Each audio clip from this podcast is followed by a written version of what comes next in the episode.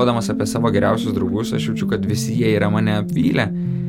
Bet e, ar tai man atrodo kažkokia tragedija, nu ne velnio, ne, man tai atrodo natūrali šito gyvenimo dalis, nes aš ir pats, būdamas 34 metų šiandieną, esu daugiausiai kartų save apvylęs žmogus, gerokai daugiau nei kiti.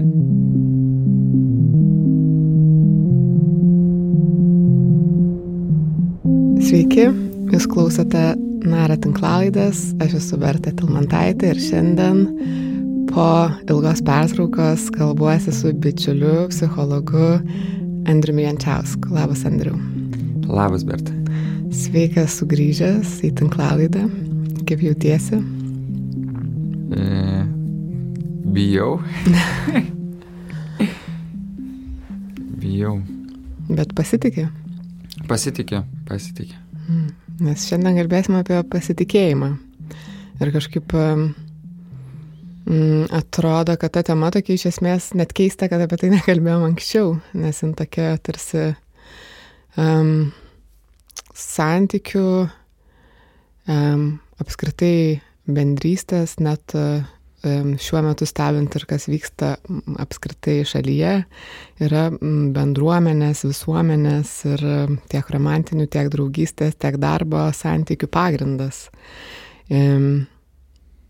Ir man buvo labai įdomu galvoti apie tai ruoštis, kad net ir šitas mūsų susitikimas yra nu, pasitikėjimo išraiška e, tam tikra Tai bus labai įdomu pakalbėti ir svarbu nuo to gal buvo man ir pradėti, žinai, kad nors ir bijai, bet pasitikė, vadinasi, viskas bus gerai. Turbūt jeigu nepasitikėčiau, būčiau radęs kelių, kaip atsisakyti ar pasiteisint. Iš kitos pusės tu jauti vis tiek bandau atidėti. Mhm. Tai tas atidėjimas irgi yra nerimo ir nepasitikėjimo išraiška. Mhm. Nepasitikėjimas savim ar manim ar... Gal labiau, kad kalbantis vat, tokiamis bendromis temomis, su kuriomis kiekvienas susidurime savo būtyje, įmanoma pasakyti kažką vertingo, ką savo laiką skyręs žmogus sugebės pasimti naudos savo. Galbūt tame mano pasitikėjimo ribotumas yra. Man atrodo, kad aš esu geresnis profesionalas savo kabinete dirbdamas negu kalbėtojas, bandydamas konceptualizuoti ir struktūrizuoti dalykus. Mhm. Nu, bet pabandykim.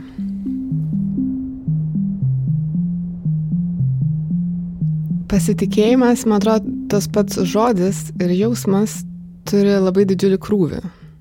Nes jis toks viską tarsi apimantis, debesis, kuris, nu, kartais būna, sutinkiu žmogų ir staiga tiesiog jauti, kad gali juo pasitikėti, nes jo E, kūno kalba, jo žodis, jo reakcija į tave arba jo kažkas tiesiog tau kelia pasitikėjimą. Ir būna žmonių, su kuriais gali bendrauti visą gyvenimą, bet taip iki galo ir nepasitikėti, nu, nejausti tą jausmą. E, tai kas yra tas pasitikėjimas, kas jį sudaro? O aš galvau, o tu labiau linkus perdėtai pasitikėti ar per mažai pasitikėti? Aš man atrodo jau per įvairiausias, per įvairiausias būsenas ir formas pasitikėjimo. Ir tas irgi yra labai įdomu, kaip gyvenime atvykstantis ar atsitinkantis dalykai gali nulemti tą pasitikėjimą išaugimą aplinką ar žmonėmis ir paskui sumažinti. Nes mm, man atrodo, kad jeigu nepasitikėčiau aplinką, pasauliu, savimi nebūčiau tiek keliavus, tiek patyrus ir praktiškai nenukentėjus, o priešingai išgyvenus labai daug mm. gerumo ir rūpešio iš aplinkos bet tuo pačiu keliaujant ir auga nepasitikėjimas, matant, e, nu, kaip kartais tave nori apgauti ar e, išgauti iš tavęs kažko, pasinaudoti ir panašiai. Auga tai, labiau nepasitikėjimas. Nu, va tas atrodo, kad net abipusiškai, kur aš buvau kažkurio metu pajutus, kad blokuoju save nuo aplinkos, kad kažkaip manimi nepasinaudotų. Bet tu dabar labiausiai kalbėjai apie pasitikėjimą kitais. Kitais žmonėmis. Ne tai, kad pasitikėjimą savimi. Mm. Mm. O savimi pasitikėjimas atrodo, kad yra nuolatinis tokiam augime, bet kartais, kai nudegi, gali viskas sugriūti labai greit ir tada ten turi iš naujo augintis. Um, ar susitart, ar bandyti gauti tą savo pasitikėjimą savo. Mhm. Na, kaip ir aplinkai. Tai turbūt tai labai susiję dalykai, ką paskui ir galėsim dar apkalbėti atskirai apie pasitikėjimą savim ir aplinką. Um, bet Nes aš tai keliaudamas kaip tik, žinai, pajutau, kad pasaulis yra gerokai saugesnis negu tai, kaip aš įsivaizdavau savo viduje. mhm. Kad e, aš tai jaučiu, kad nešuosi tarsi tokį stiprų nepasitikėjimą ir esu linkęs net ir dabar tikrinti žmonės. Mhm. Tikrai sutinku su tuo, kad esu susidūręs su savimi būnančiu naiviu ir per aklai pasitikinčiu tam tikrai žmonėmis, kas gal iš vienos pusės būtų tokie stiprus e, susižavėjimai ar ten įsimylėjimai, iš kitos pusės vat, dideli autoritetai arba kažkokie tai ale žinomi žmonės ir tada atrodo natūraliai kažkaip tais per didelį kreditą esu gavęs pasitikėjimo ir paskui nusivylęs. Bet bendrai paėmus tai jaučiu, kad kaip tik mokinausi pasitikėti žmonėmis ir tvarkyti su savo gal net šiek tiek paranoišką dalimi. Mhm. Tai kas sudaro tą pasitikėjimą, kas tau padeda pasitikėti, kas yra tie lemiami kažkokie elementai, dalykai, pagal kuriuos tu pajauti, kad pasitikim. Žinai, man atrodo, kad e, čia mes iš vis keliautume į žmogaus raidos pradžią ir, ten, nežinau, Erikas Eriksonas e, jau gan senai kalbėjo apie tai, kad vat, pirmieji metai, tai pirmieji raidos metai, pirmoji krizė yra ten saugumas, nesaugumas. Paskui Bowlby ir Ainsworth kalbėjo apie, apie saugų prieraišumą. Ir apie tai, kad vat, pirmaisiais metais nuo to žmogaus, kuris yra kartu su tavimi, dažniausiai tai būtų mama, ne tik Lietuvoje, bet ir visame pasaulyje, ir nuo to, kaip jinai patenkina tavo poreikius ir išsivysto tas jausmas kad e, pasaulis nėra toks taip stipriai neapibrieštas, nes iš principo, nu, iš tikrųjų realybė yra tokia, kad pasaulis yra sudėtinga vieta, ne, kuriame vis gali randomų ištikti didelės nelaimės, kuriame žmonės susirga, miršta ir nu, visa tai, ačiū vyksta, Dievui, vyksta ne kiekvieną dieną. Bet va, tame pirmaisiais metais vaiko pasaulyje, jeigu mama pakankamai jo pasirūpina, vyksta toks jausmas, kad pasaulis yra prognozuojamas, susiformuoja toks jausmas, kad iškilusius mano poreikius kažkas paima ir patenkina iš šalies. Tai va čia atsiranda toksai saugumas, bazinis saugumas ir bazinis pasitikėjimas kitais žmonėmis, kad va, žmonės yra daugiau linkę man padėti negu pakengti. Kad pasaulis yra daugiau saugus negu nesaugus. Mhm. Jeigu Bet man gal to pačiu patinka labai galvoti apie tai, kad e, žodėje pasitikėjimas, na, bet angliškai, jeigu imtume trust, ne, tai truth. Tarsi pasitikėti tiesa yra šalia. Mhm. Va kur yra tiesa? Mhm. Lietuvoje tai pasitikėjimas, tikėjimas. Pagrindinis žodis. Tai tikėjimas toks yra platus žodis, ne, kur tenais Mhm. atrodo labiau įprasta kitaip jį naudoti ir sakyti. Tai, tai jeigu sakyčiau, Bert, ar tu tiki, tai turbūt automatu galima būtų suprasti, ar tu ten tiki krikščionybę. Nors iš tikrųjų turbūt tiki, tai reiškia, turi tam tikrus įsitikinimus, tam tikras vertybės. Tiki tam tikrais dalykais, e, dėsniais, Mhm. vertybėm. Taip.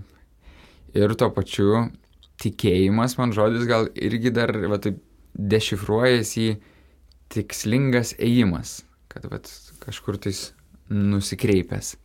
Beveik kaip tekėjimas, Taip, tikėjimas labai arti, man atrodo. Kas irgi reikalauja labai daug pasitikėjimo į savim ir aplinką, jeigu nori sklandžiai tekėti per, Mhm. per dienas ir per gyvenimą. Viena iš gražių, e, gražių citatų, kai ruošiau šitai laidai, buvo, kad e, e, surrender is the soul of trust. Arba tas, vat, vienas iš trijų būdų, ar ne, kai mes tvarkomės su tam tikrais iškilusiais gyvenimo sunkumais, tai arba vengiame, arba kompensuojame, arba pasiduodame. Ir va tas gebėjimas pasiduoti, Mhm. gebėjimas išlikti nuolankiam. Ir stebėti, kas vyksta, užuot bandžius tai įveikti arba neikti. Jo, dėl to pasitikėjimas, man atrodo, kad iš tikrųjų tai, tai yra rizika. Mhm.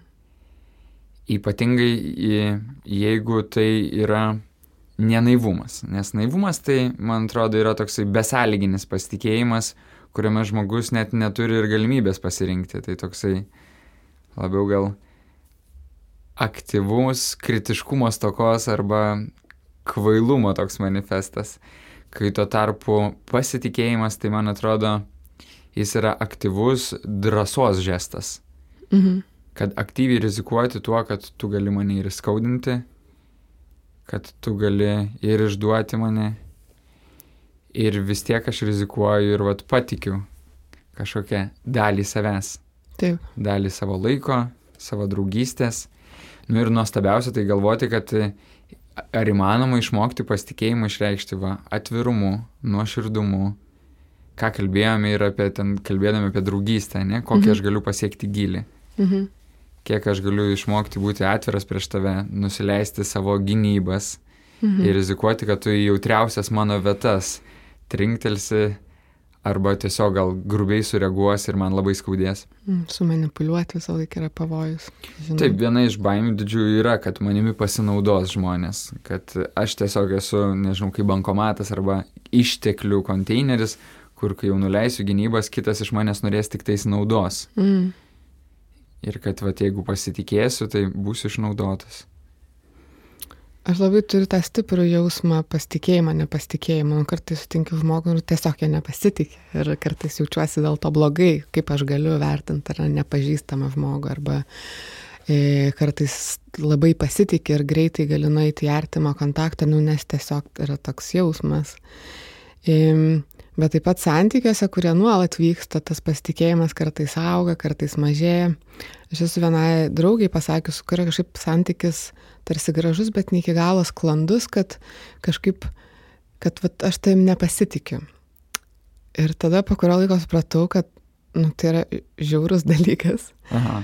Šiaip pasakyti kažkam, kad juo nepasitikė, nes tas vat, pasitikėjimo, nepasitikėjimo momentas yra toks labai jausminis ir aš tarsi jai užkroviau tą naštą, kad aš tavim nepasitikiu, tu turi tarsi įgauti mano pasitikėjimą. Bet- Skamba kaip toks iššūkis, ne? Taip, taip, kad tai skamba, bet kaip į tą padaryti, jeigu net neaišku, kodėl aš nepasitikiu ir aš pati nesuprantu, ar, ne, ar, ar tuo metu nebandau įsigilinti, bet, nu, va, tiesiog turiu nepasitikėjimo jausmą ir dabar jau čia tavo atsakomybė, arba įgaut mano pasitikėjimą, arba, arba ne. kitos pusės, kaip tu sakai, čia pradžios taškas pradėti tyrinėti, ne? Taip, ir tada po kurio laiko aš galvoju, bet galbūt... Ir dalintis tą atsakomybę. Kiek vis dėlto apie tave, kad tu nepasitikė? Taip, taip. Kiek apie ją? Bet ir kiek galbūt aš jaučiu nepasitikėjimą, nes jinai manim nepasitikė. Galbūt aš jaučiu nepasitikėjimą, nes aš nepasitikiu savimi santykėje su jie. Bet žinai, tiesiog pasakyti žmogui, aš tavim nepasitikiu ir dabar čia tu darai kažką, tikrai yra neatsakinga. Ir um, tada turbūt svarbu tą pasitikėjimą, nepasitikėjimo jausmą ir tą didžiulį debesį kažkaip išskaidyti. Ir aš va vakar, būdama su draugais, klausiau jų, kas nu, bet kokie dalykai, jeigu tu dabar staigiai tau reikia įvardinti žmogų, kuriuo tu pasitikė, nu, va, kur jauti tą jausmą ir kokie elementai, nu, bet kas tai gali būti, maži momentai, atsiminimai iš kas, tau būtent užtvirtina pasitikėjimą tuo žmogum. Ir tada labai įdomu pradėti tyrinėti, kas iš tikrųjų yra tas pasitikėjimas ir ką, kas jį sudaro. Man tai pirmas žodis būtų integralumas, kas reikštų, kad vat, žodžiai sutampa su veiksmais. Mhm. Kad žmogus ką sako, tą ir padaro. Mhm. Neapgauna tuo, kad deklaruoja vienas vertybės, mhm. o vat poilgiai visiškai prieštarauja ir tuo pačiu nėra pažadukas, kuris pažada ir neištesi. Mhm. Man turbūt e, kažkaip e, toks dalykas atėjęs, va apie ką aš pagalvoju, tai yra tai, kad mane mato ir mato, kad aš galiu būti, mm, aš galiu susimauti, aš galiu padaryti kažką nepratingą, aš galiu būti visokia, kokia iš tikrųjų esu. Ir už tai, ir mane tai mato iš tikrųjų, žinai, nemato tik gerų dalykų, nemato tik blogų dalykų, nemato projekcijos, bet mato mane ir priima taip, be jokio teisimo. Tas visą kaip nedžedžina. Ne? Nedžedžinimas, jo, kad toks e, ir ne tik tas, ne tai, kad, žinai, nedžedinimas, bet iš tikrųjų matymas ir nenoras, žinai, galbūt aiškinti ir keisti ir reguliuoti, bet priimti tą ir leisti man būti, ir leisti man nu, mm, būti be baimės, leisti man būti. Um, Jo, aš labai turbūt nemėgstu baimės elementų su žmonėmis, jeigu aš turiu bijoti žmonių ir tada aš nepasitikiu, vadinasi, yra kažkoks, kažka, kažkas santyk neligiavertiška. Bet e, aš tai žinai galvoju, kad e, man turbūt šią vasarą vienas iš įdomiausių patirčių buvo, kai paklausiau kelių draugų, kuriais labai tikiu kaip tėvais, kad o ką tu matai, kad aš kaip tėtis nedarau pakankamai gerai. Ir man tai buvo gera išgirsti ir gauti tą grįžtamą į ryšį. Ir tai, žinai, iš dalies ir nesustoja ties prieimimu, kad mano pasitikėjimas ir pasitikėjimas, kad va, tas žmogus gali būti atspindys, iš kurio aš gausiu negatyvų savęs vaizdinį, kurį esu pasiruošęs keisti. Tai aišku, bet labai. Kartu mhm. ir esam nukreipti ją, va, kažkam tikslingame įime.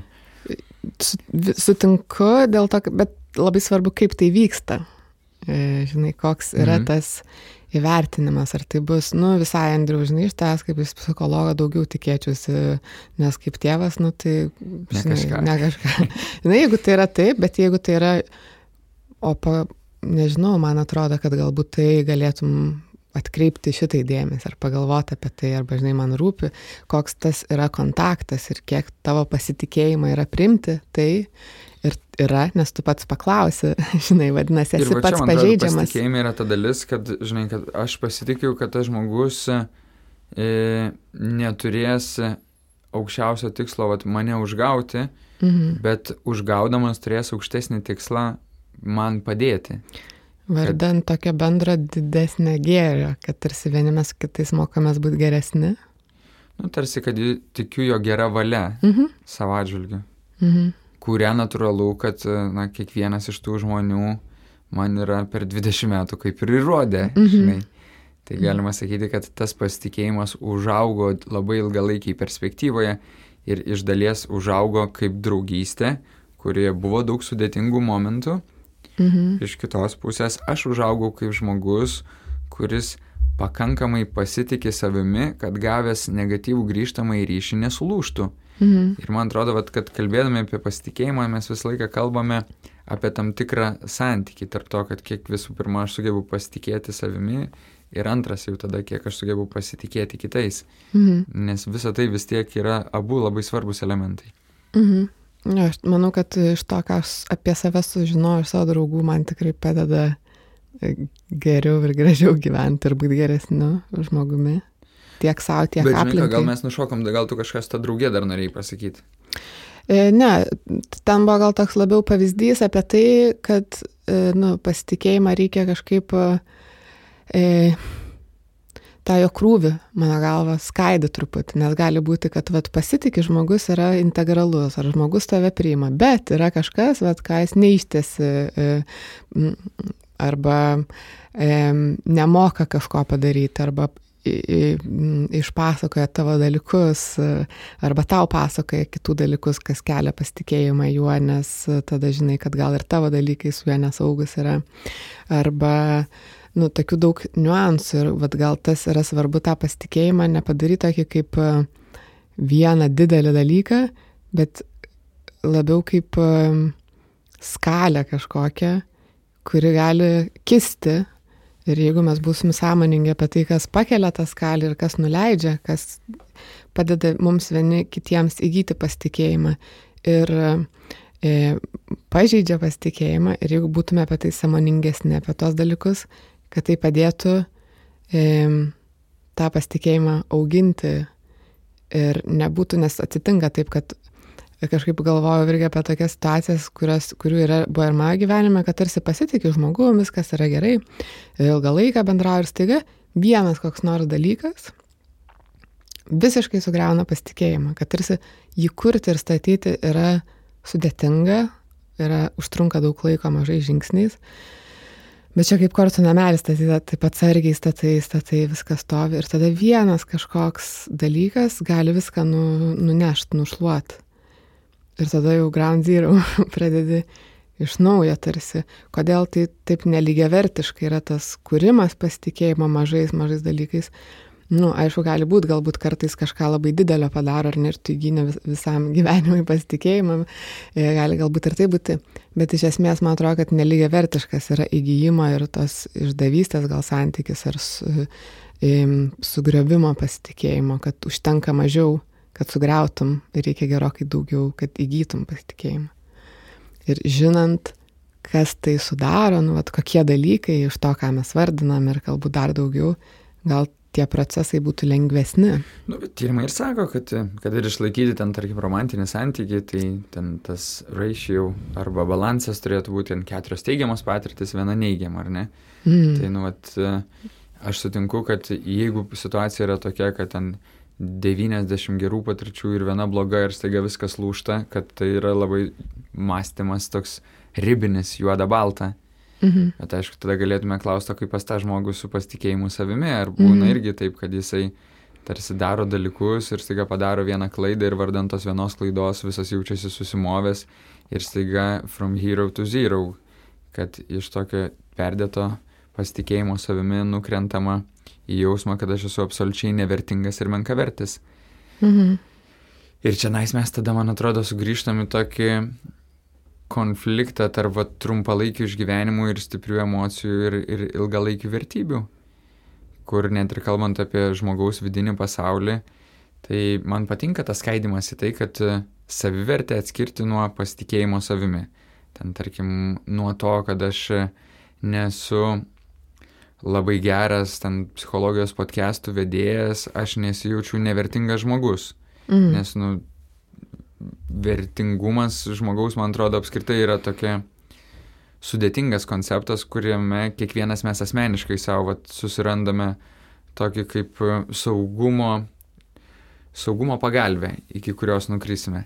Ir jeigu skaitytum, nukalbėtume ten skaitinę vertę ar ne, Tai jeigu vat, man pavyksta turėti tą tokį jausmą, kad aš esu pakankamai vertingas šitame gyvenime, tai nesėkmių rezultate aš tada, nežinau, jeigu kalbėtume šimto balų skalėje, aš tada krisiu, tarkim, nuo 90 iki 70. Bet benukrisiu iki tenais 10, 5, 15 ir jausiuosi visiškai bevertis. Tada jau aš turiu tokį stabilesnį tiek savęs vaizdinį, tiek savo vertės pajūtimą kuris padeda man tikėti savimi. Ir tuo pačiu padeda imtis naujų dalykų, kuriuose aš esu prastas ir nepasitikiu savimi. Nes man šiek tiek va tas šio laikinis konceptas, kad e, perdėto pasitikėjimo savimi, kur, žinai, ateini į klasę ir užduodi klausimą ir visi vaikai kelia ranką ir tu sakai, gerai, sakyk atsakymą ir sakai, e, nežinau. tai vad man tai nėra labai žavu. Mhm. Kaip kompensacija to, kad ką tik mes gyvenome kultūroje, kur visi didžioji dauguma buvo užkompleksavę, bijantis ir sėdėjo net ir žinodami teisingą atsakymą ir net nekėlė rankų, nes mhm. bijojo. Taip, laikinai tai atrodo patrauklu, kol išsibalansuojam iki aukso vidurio, kur, nu, vat, aš norėčiau, kad žmogus ten pasitikėtų savimi, priklausomai iš tikrųjų toje srityje nuo kompetencijos, kurią turi. Ir tada tą pasitikėjimą savimi aš jau skaidau į tam tikras atskiras kategorijas, kur pavyzdžiui, nu, vat, tavo pasitikėjimas savimi valdyti lėktuvą priklauso nuo to, kiek tu mylių nuskridai ir kiek mokymų praėjai. Nes jeigu tu, žinai, čia nais ką tik paskraidė sėdėsi už Boeingo ir sakai, tu nesiparink, aš pasitikiu savimi. Nu, ne, aš nenoriu, kad tu savim pasitikėtum. Tai va čia nais man patinka, kad jeigu tu ir nemoki skraidyti lėktuvu, tu vis tiek esi vertingas žmogus ir labai svarbu atrasti ir pajausti savyje tą vertę. Ir tuo pačiu at, išlikti paieškoj, o kas tą vertingumą mano savo ir kitiems e, greužia, kur yra mano vidiniai eroziniai mechanizmai. Ir atskirti, kad mano pasitikėjimas savimi atskirose srityse gali aukti priklausomai nuo mano įdedamų pastangų ir skirtingose vietose, na, vat, man skirtingai seksis. Mhm. Ir iš to, kad vat, susiformuoja atskiruose srityse mano pasitikėjimas savimi ir atsiranda mano vertingumas, at, labai daug šansų, kad atsiras ir pajūtimas, kad ir kitas žmogus yra vertingas. Mhm. Ir kai kitas žmogus yra vertingas, atsiranda jau ir tokia vertybė, kad aš vertinu draugystę, o toje draugystėje tada vis tiek vėl prasideda matematika, ne? mm. kiek mes turime gerų patirčių ir kiek yra pasitikėjimo, ir koks yra tas balansas neigiamų patirčių, kuris pasitikėjimą sugriauna. Nes aš galvodamas apie savo geriausius draugus, aš jaučiu, kad visi jie yra mane apvylę.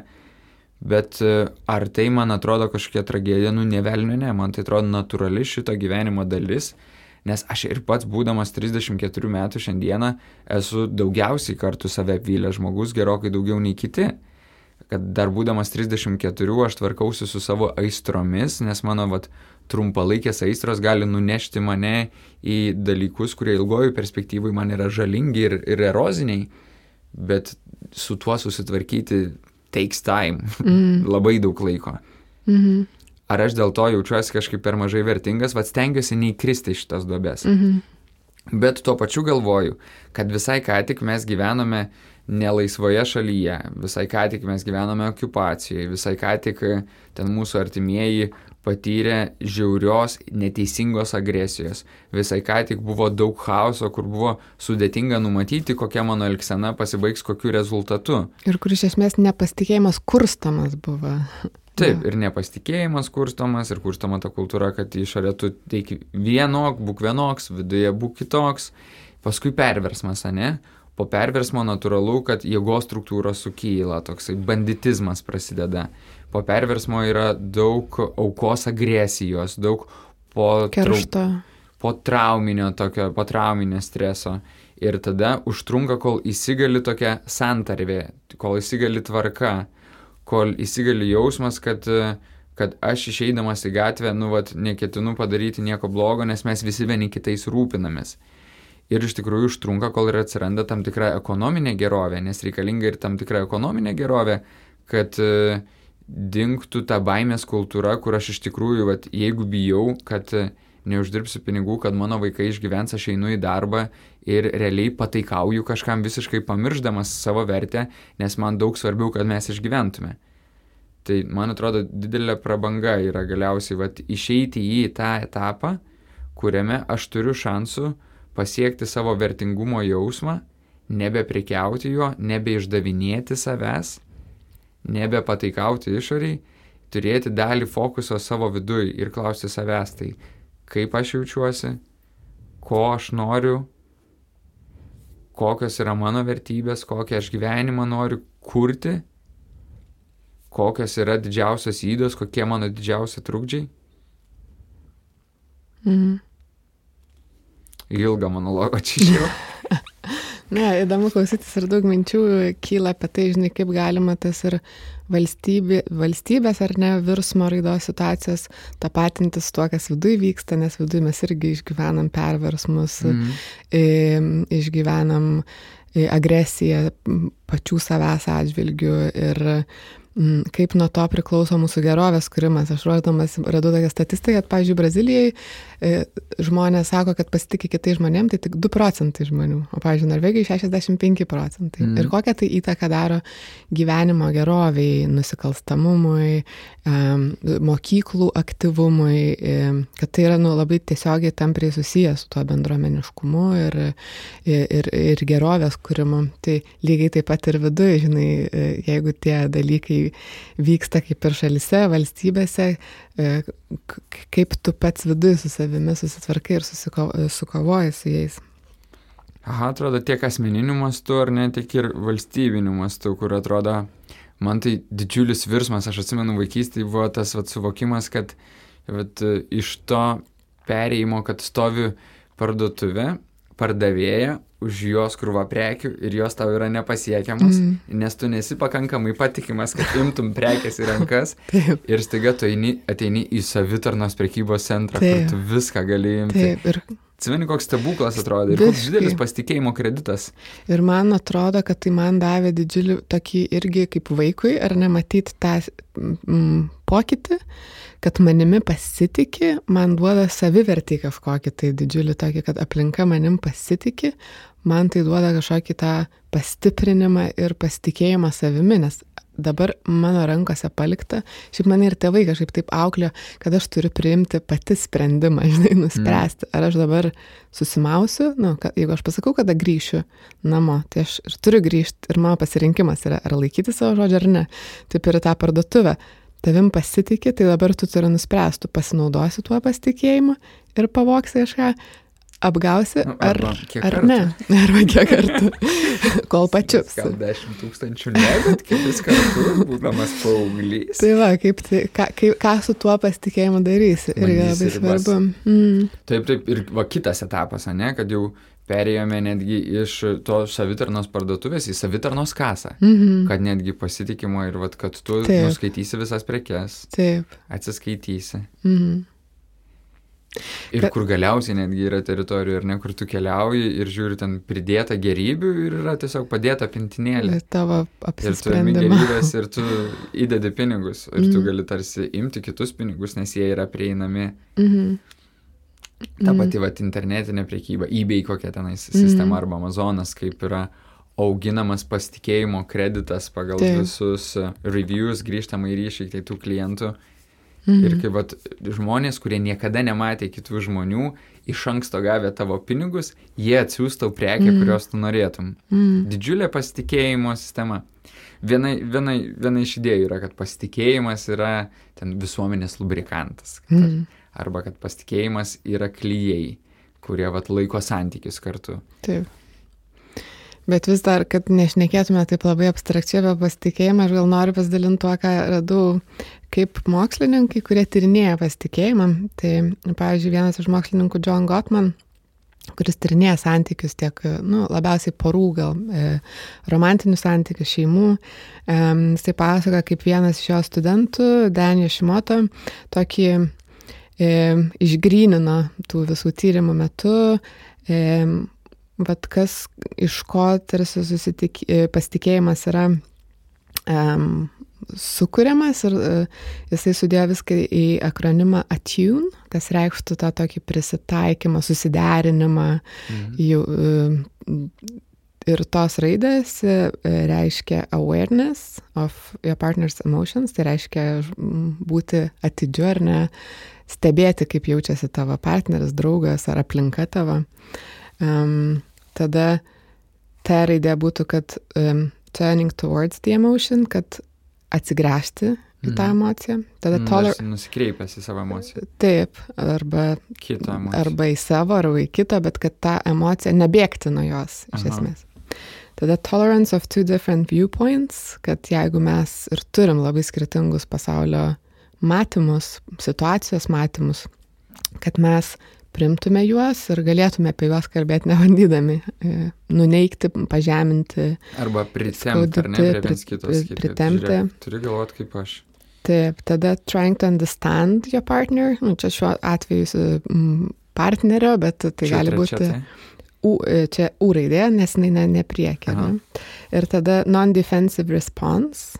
Tai reiškia, kad, žinai, ką aš tai nuolat darau, jeigu man pasako, tu mane skaudina, aš sakau, bet aš tai nenorėjau ir aš tai, čia ne mano netoks, bet ir labai sunku pripažinti ir atsiprašyti, nes reikštų, kad jeigu aš atsiprašau, tai pripažįstu, jog padariau klaidą, nors tikrai aš ją sąmoningai nedariau. Ir čia mano dabar paskutinio laiko tokia didžiulis noras va tą išmokti daryti. Būti mažiau gynybiškai. Taip, taip, taip.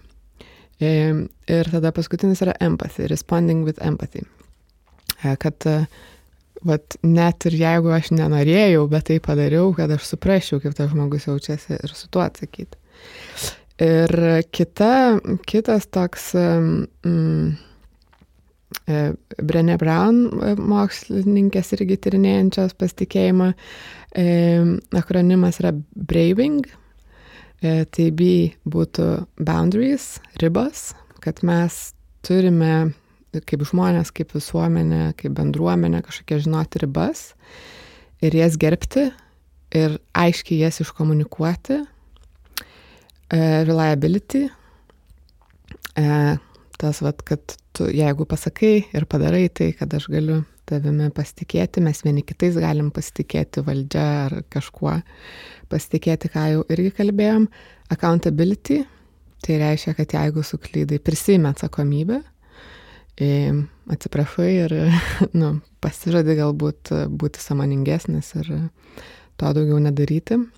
Walt, tai ta saugikla ir saugumo jausmas, ta prasme, kad tai, ką aš tau pasakau, liks su tavim, tai nebus kažkaip manipuliuojama, tuo disponuojama, dalinamasi galbūt e, kažkokiais piktybiniais skėslais su kažkuo. Ir kad, e, nu, ypač tau tai turbūt kaip psichologai ar nesvarbu, kad irgi gal ir turėdamas labai kažkokias informacijas negali tuo dalintis, nes iškart sugriautum savo pasitikėjimą e, klientų. E, tada integrity ir kad e, Čia jos pasakymas yra toks, kad renkėsi drąsą vietoj komforto ir kad renkėsi tą tokį tarsi sunkesnį kelią, nebūtinai lengvą, smagų. Um, ir kad tai, ką, apie ką tu kalbi, nu, turi tai ir daryti. Ir jeigu kalbi, kad myli, tai turi mylėti ir tada ne, ne, neselgti kažkaip kvailai. Ne, neišskirti savo kalbėjimo nuo veiksmo. Tada N raidė būtų non-judgment, kad vieni kitų galim prašyti, sakyti tai, ką norim ir tai, ko reikia ir su, pasitikėti, kad busim suprasti e, be pasmerkimo, nuteisimo, pajokos, pašaipos. Ir generosity, čia apie tai, ką tu kalbėjai, kad E, kad tu tiki kito žmogaus gerumu, net jeigu jis ir padaro kažką, nuvilia, bet tu tiki, kad šiaip iš esmės jo kieslai yra geri. Tai man skaitant vat, šituos išskaidimus pasitikėjimo darosi tarsi aiškiau um, suprasti, kas kokiose situacijose kelia nepasitikėjimą ir kaip tai galima išspręsti nes, mm, e, tarkim, aš linkusi kartais esu, jeigu jaučiu, kad man ribas peržengia, tai aš tiesiog atsitraukiu. Arba jeigu jaučiu, kad kažkas neintegralus, tai tiesiog nepasitikiu, bet gilindamais tai suprantu, kad šiaip tai iš esmės mes galime apie tai kalbėti ir išspręsti tuos dalykus ir taip kartu auginti pasitikėjimą viens kitu. Bet kad aš tau pasakyčiau, jog tu peržengiai mano ribas, aš irgi turiu pasitikėti, kad tu suprasi, ką aš noriu pasakyti ir kad mes kartu galėsim rasti kažkokį sutarimą. Dabar jau mano ilgas monologas buvo. Ilgas, ilgas, bet man atrodo, kad jisai turiningas ir svarbus. Aš gal tik tai nesu tikras, žinai, kurioje vietoje įsijungti. tai dabar gali įsijungti. Nes man atrodo, kad galiausiai mes atsiriamėm į tai, kad, žinai, pasitikėti kitų žmogumi tiesiog reiškia, vad, užaukti iki brandaus, suaugusio žmogaus, kuris turi pakankamą, vad, saugumą šitame pasaulyje ir pakankamai saugiai jaučiasi, tai reiškia, kad ir pakankamai saugų santykiai gali formuoti, tada, kuris nebestokoja va kažkas validacijos, patvirtinimo ir nebevaikšto, žinai, ir nebežiūri į pasaulį, kaip kad pasakykit man, kad aš pakankamai geras. O tą atsakymą turi savo viduje, mhm. Kuris yra pakankamai autonomiškas, kad nebesitikė, kad visi kiti tenais jo pasirūpins, o labiau supranta pasaulį kaip dalinimo sistemą. Kažkuo aš pasirūpinu, kažkas manim pasirūpina. Mhm. Bet jau suvokia, kiek daug dalykų gali pats daryti. Nors, aišku, visuomeniai, kuri išsidalina ir specializuojasi, tai vis tiek yra bendradarbiavimas daug labiau, mhm. negu kad pats darysiu. Tada iš kitos pusės, nu, tai yra ir žmogus, kuris ne tik turi tą bazę savęs patvirtinimo, bet ir turi suvokimą ribotumo. Kad aš esu pakankamai ribotas tam tikrose dalykuose, labai vidutiniškas arba prastas. Ir iš to vat, suvokiu ir savo ribas, bet priemu ir kito žmogaus ribas. Ir penktas dalykas, kad vis tai suvokdamas aš sugebu vat, būti čia ir dabar, būti spontaniškas ir reaguoti. Tai man atrodo, kad nu, vat, visa tai, kas išvardinta pasiekti, tai yra tokia ilgo gyvenimo kelionė ir labai sudėtinga. Nes, nu, kalbant apie tą patį integralumą, visą gyvenimą siekiame, kad mūsų suvokimas atitiktų mūsų veiksmus. Bet jeigu tavęs paklausčiau, žinai, ar ten per pastaruosius tris mėnesius, žinai, sportavai tiek, kiek ten tau atrodo teisinga, ar ten valgiai tiek, kiek atrodo teisinga, ar save nuodijai, kiek atrodo teisinga, ar ten pačių, nežinau, turėjai kokių seksualinių santykių, tokių, kaip tau atrodo teisinga. Ir nu, visą tai susiveda, kad į, į savireguliaciją sudėtinga nukeliauti. Mhm. Tai vat tas balansas tarp tokio pasitikėjimo, surrender ir pasidavimo, kad uh, vykčiau tuo, kas esu, bet iš kitos pusės ir kontroliavimo, nukreiptumo ir formavimo savęs į tai, kuo norėčiau būti, man atrodo, kad čia toksai amžinas konfliktas. Mhm. Bet grįžkim į pradžią. To, ką tu sakė, ar ne, kur prasideda formuotis e, tas mūsų pasitikėjimas aplinka pasauliu pačioje vaikystėje. Nes turbūt labai, jeigu augai saugiai, laimingai, e, pritekliui, gerokai lengviau yra mm, e, pasitikėti ir savim, ir aplinką. Paskui galbūt ten kažkur nukenti ir turi išmokti, bet jeigu augai labai sudėtingose aplinkose ir neturi pagrindo, kaip tą kurtis eigoje, nu jau tame saugusią gyvenime ir aš čia, kaip visada m, prieš epizodus mūsų, mūsų Patreonų bendruomeniai paklausiu žmonių, ar jie turi kokiu nors klausimu šitą temą. Ir buvo nemažai klausimų ir dažnai tie klausimai tokie būna abstraktesni, e, pasvarstymai, e, bet buvo vienas labai konkretus klausimas, kuris, už kurį aš esu labai dėkinga, nes man atrodo, kad tie konkretus būtent klausimai ir konkretus pavyzdžiai nuleidžia mus ant žemės ir mes galim konkrečiai kalbėti ir toks skaudus pavyzdys. Mm, bet ačiū tam žmogui, kuris jį atsintė ir klausimas yra toks. Norėčiau išgirsti apie gyjimą iš sudėtingų situacijų vaikystėje su šeima keturi patėviai alkoholis psichologinis ir seksualinis smurtas pastovus mamos trūkumas ir dėl to išsivystęs nepilnavertiškumo jausmas ir be abejo didelis nepasitikėjimas žmonėmis, ypač romantiniais partneriais. Mm, kur atrodo tarsi nėra pagrindo, ar ne, netgi priešingai atrodo, kad viskas, viskuo turi nepasitikėti, nes tie artimiausi žmonės ir aplinka visiškai tau nesukūrė to jausmą. Ir turbūt vidinis tas siekis ir noras yra pasitikėti, ypač kažkokiais e, e, žmonėmis, kuriem jauti kažkokį prielankumą, bet kaip tą susikurti e, nuo pradžių, kai jau esi suaugęs žmogus. Ir man atrodo klaida galvoti, kad viskas ir viskuo, žinai, nepasitikėti, nes garantuotai tas žmogus turi pakankamai pasitikėjimo, kad va parašytų visą tą tekstą. Mm. Reiškia, buvo atskirų detalių, kur pavyko pasitikėti. Mhm. Ar, ir, ar mokytojų, ar nežinau, ar mama, ar kažkokia močiutė, ar kažkoks draugas kieme, ar kažkokios draugės mama, bet vis tiek garantuotai, bet tam tikrų blyksnių užsikabinimo buvo. Nu, ir tikslas šiuo metu turėti bent vieną santykį, kur tai būtų, nu, ne tik tai akimirkos blyksniai nenuspėjami, bet kur tai būtų stabilu ir kontroliuojama, kas nu, puikiausias pavyzdys yra, kad kiekvieną savaitę aš ateisiu pas savo psichologą ir 50 minučių visa, visas jo nukreiptimas bus apie mane. Ir tas žmogus bus nu, tiek gero man norintis, tiek nu, nemeluojantis, nesiekiantis kažkokių paslėptų savo tikslų, tiek to pačiu tikėkime, kad jo žodžiai atitiks jo veiksmus.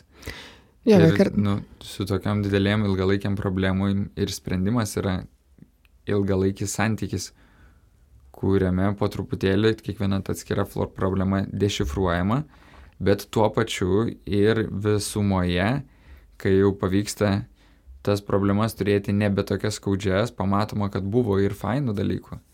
Nes, nu, turbūt mano pirminis klausimas savo, žinai, vat, iš kur tas mano nesaugumas ir aš sakyčiau, na taip, aš ten buvau fiziškai silpnesnis, e, Kaune atrodo, kad buvo nemažai fizinės agresijos ir aš nuolatos vat, išgyvenau tą tokį, kad tarsi bet kada vat, galiu nukentėti. Bet iš kitos pusės aš galvoju, kad, na ne, ten savo kieme, kur buvo šimtas būtų penki aukštyje, buvo tas jausmas, kad tai yra vis tiek bendruomenė, kur tu vieni kitus pažįsti, kur prieis kažkas pakalbins, pasidomės, kaip laikaisi ir toje šimtų būtų buvo keli žmonės, kurie buvo sunkiai prognozuojami, bet net vaikas suvokiai, kad va keli žmonės nesaugus, o va visa kita yra vis tiek saugus mikrokosmosas. Mhm. Bet tas mm, psicholo, pasitikėjimas va psichologo, ar ne, nu, jis vis tiek yra toks e, pinigai, tarsi, nu, toks vos net darbinis kažkoks santykis, bet kaip operuoti gyvenime su ar be psichologo ir šitoje situacijoje būtent šito klausimą, ar ne? Bet aš nežinau, ar tai yra darbinis santykis, nes, žinai, nu, man atrodo, to būtent jausmo, kurį sukūri kartu su psichologu, nu, at, už pinigus jo nenusipirksi. Ir tas jausmas ir susideda iš pasitikėjimo, iš simpatijos, šilumos tarpusavio. Tai man atrodo, kad šitoje vietoje pinigų dalyvavimas bendroje liktyje nesumenkina patirties stiprumo. Mhm. Bet šiuo metu psichologą surasti ir, yra žiauriai sunku. Ne, bet aš ir galvoju, žinai, kad ir jeigu tu vat, esi kol kas socialiai tiek sudėtingas, kad tau sudėtinga rasti kitokius mainus, kuriuose iš tikrųjų draugystėje pavyktų turėti va tokį stabilų žmogų, kuris primtų ir tave gal net didesnėje dalim santyki liūdną, nusivylusi, piktą, irzlų tas yra įmanoma. Nu, ir kai kurie žmonės iš tikrųjų tai pasiekia stipriai imdamasi savo karjeros, karjeroje tampa labai geri ir tada aplinkiniai nuo jų turi kentėti visą jų emocinę sferą. Bet iš kitos pusės, nu, tie kenčiantis aplinkiniai, jie, ypatingai jeigu yra pavaldiniai, jie ne visą laiką pakvies tą, ten, tarkim, vadovo pokyčiui. Mhm kaip psichologo darbas yra ne tik būti šiltu, bet ir to pačiu kviesti žmogų pokyčiui. Mhm. Bet šiuo metu sunku rasti psichologą, yra didelės eilės ir tai yra nu, visai prabangos prekė. Bet įsivaizduokim taip, ar ne, kad sunku žmogui rasti arba tiesiog finansiškai iš to savo negali leisti. Ar yra kažkas, ką pat praktiškai galima daryti ir bandyti daryti savarankiškai? Tai visą laiką aišku, visą laiką yra tokių dalykų. Nu, yra krūva, krūva knygų prirašyta apie tai, kaip tenais puoselėti savivertę, kaip dirbti su traumomis, kaip pažinti toksišką aplinką, kuri yra įvykusi.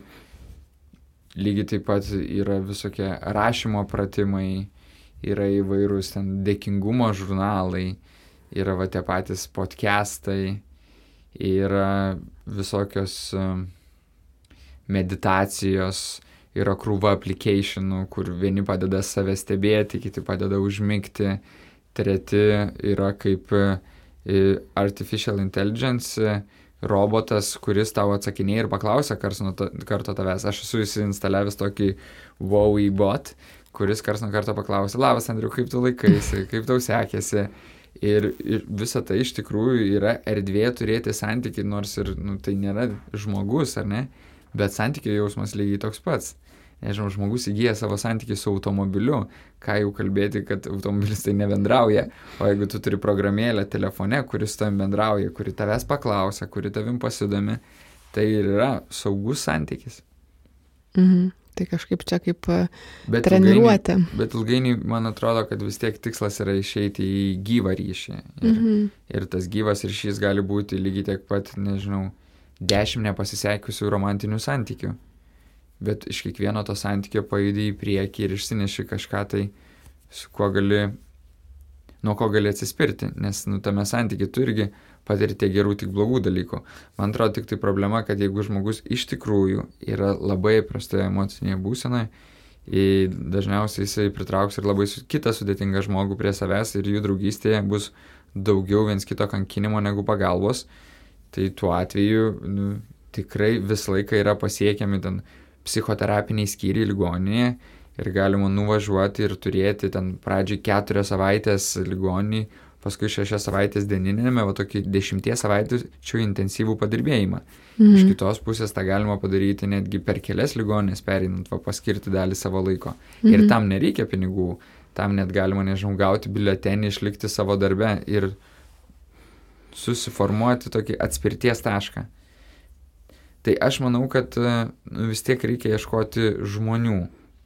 Ir yra tai. žmonių, kurie yra pasiekiami be didelių resursų. Mhm.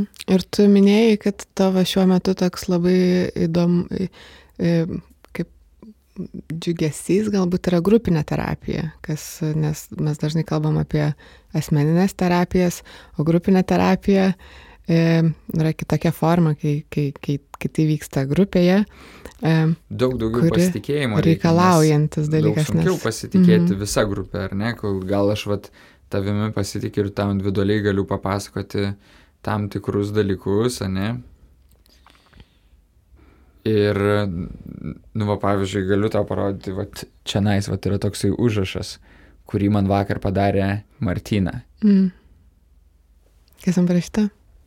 Bet, va, noriu, žinai, kad kitiem tu nepapasakotum, kas čia nais yra parašyta. Aha. Matai, kas parašyta?